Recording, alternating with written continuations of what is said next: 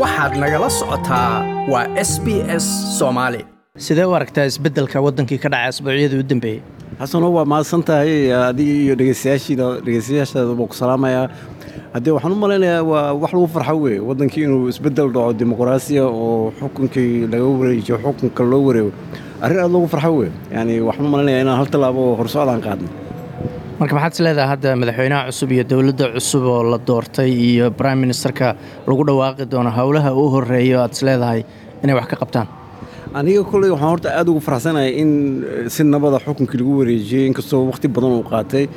Marka wixii hadda ku xigo waxaan wey marka inaan filano wax positive inay ka bixi doonaan broseska socda. Marka dee weli wakhtigii waxaa lagu jira madaxweynaha ku dhawaaqi lahaa prime minister cusub marka waxaan u rajaynaynaa good luck yani nasiib wanaagsan in aan helno leadership fiican hadduu ilaahay yidhaahdo waa gartay waddankii ma tegaysaayoo dee ma ka tala bixinaysaa arrimaha horyaalla iyo moo socotaa waddankii aniga hadda waxaan u socdaa horta kigaali caawa hadduu ilaahay yidhaahdo oo shir waxaan ka qayb galayaa i t u-da oo meeshaan ka socda. Marka laga yaabo markaan soo noqdo inaan soo mari doono aniga de waddanka xiiso badan baa iga haya laakiin howlahan aan ku jiro waa howlaska technology oo shirka i t u-dan aadaya laakiin meel walba on joogno kulliga anaga waajib baa naga saaran waddanka. Waa inaan waxaan ku tari karo ku tarno. Waa garta ma jiraan wax australia oo kale dowlad ahaan ama hay'adaha ama jaamacada australia ay soomaaliya hadda ka caawin karaan aad is leedahay waad isku xiri kartaa? Waxaa adigaba saad og tahay jiray mashruucyo afar jaamacadood oo australia ku yaalla melbourne university monash university deacon iyo swinburne oo arrimo soomaaliya ku saabsan ay jiro oo shir dhaca sanad walbana ugu jira waad ogtahay afar sane la soo dhaafay. Laakiin howlihii badnaa ee masalan ku saabsanaa constitutionka soomaaliya ee melbourne university nagala shaqaynaysay adiga baad xasuustaa laba goor iyo saddex goor shiran ay dhaheen way istaageen sababtii u istaageenna waxaa weye markuu isbeddelkii dhacay madaxweynihii hore la soo dhaafay iyo dowladdiisii howlaha waa laga gaabiyey.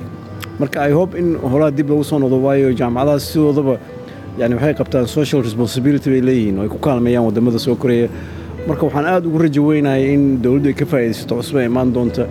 Si xiriiradaas marlabaad loo soo cusboonaysiiyo waayo waa sida ugu fiican ama ugu dhaqsiyaha badan ee waxyaalaha qarkood lagu xallin karo. Marka melbourne uni oo kale sidee arrimaha dhammaystirka dastuurka soomaaliya oo kale sidee uga qayb qaadan kartaa? Waxaa la yaab kale waxaa weye inaa xasuustaa laga yaabaa laba shir oo haddana website-kooda qofka galo wuu arki karaa oo the law school ee melbourne university waxay leedahay qayb dhan oo qaabilsan konstitutionada adduunka marka dadka jooga expertska fikrado badan bay ka dhiibteen sida loo dhammaystiri karo constitutionka soomaaliya.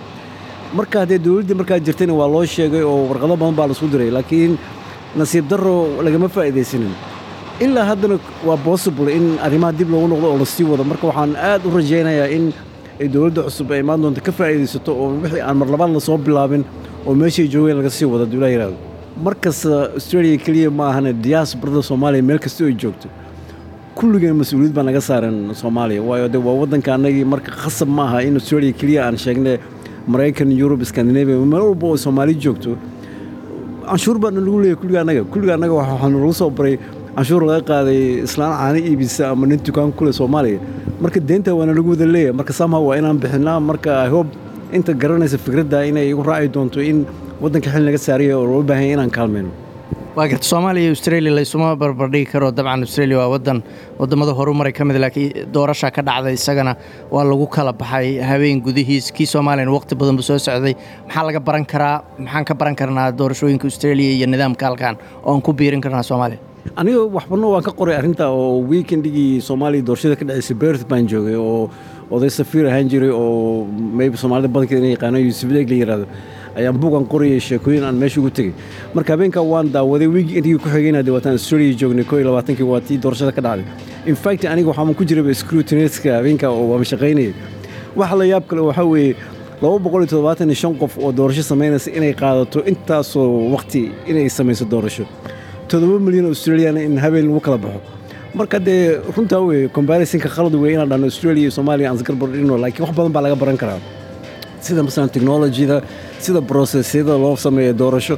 Waxaasoo dhan waa laga baran karaa australiana diyaar bay u tahay inay aqoontaasoo kale la wadaagto waddamada soo koreeya iyo soomaaliya o dhan. Ama annaka naftaanada aan ku biirin karna aqoontaasoo kale. Laakiin waxaasoo dhan waxay ku xiran tahay in dowladda soomaaliya marka hore diyaar u tahay inay ka faa'iidaysato all those things oo possible ah inay ka faa'iidaysato adduunka kale ka jira ama soomaalida dibadda joogta ay ku biirin karto. Ma is doorashada tan ku xigta soomaaliya? Hal qof iyo hal cod baa la qaban doonaa aniga koley madaxweynaha cusub ee la doortay arrintuu ku dhawaaqay waan ku kalsoonahay inuu samayn karo waana madaxweyne khibrad ula oo soo maray arrintan hadda ka hor.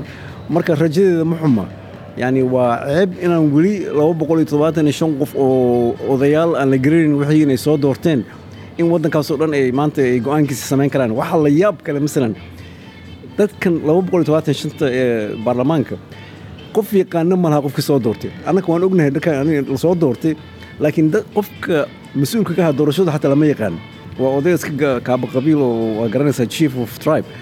Waa arrin aad looga naxo weye arrin aad u foolxun weye marka i hope madaxweynaha cusub aan soo dhaweynayno arrimaha inuu wax ka qabto oo teramka dambe ee soo socda one person one vote in la gaaro hadduu laa yidhahdo like as la wadaag wax ka dheh lana soco barta facebooka ee sb s soomaali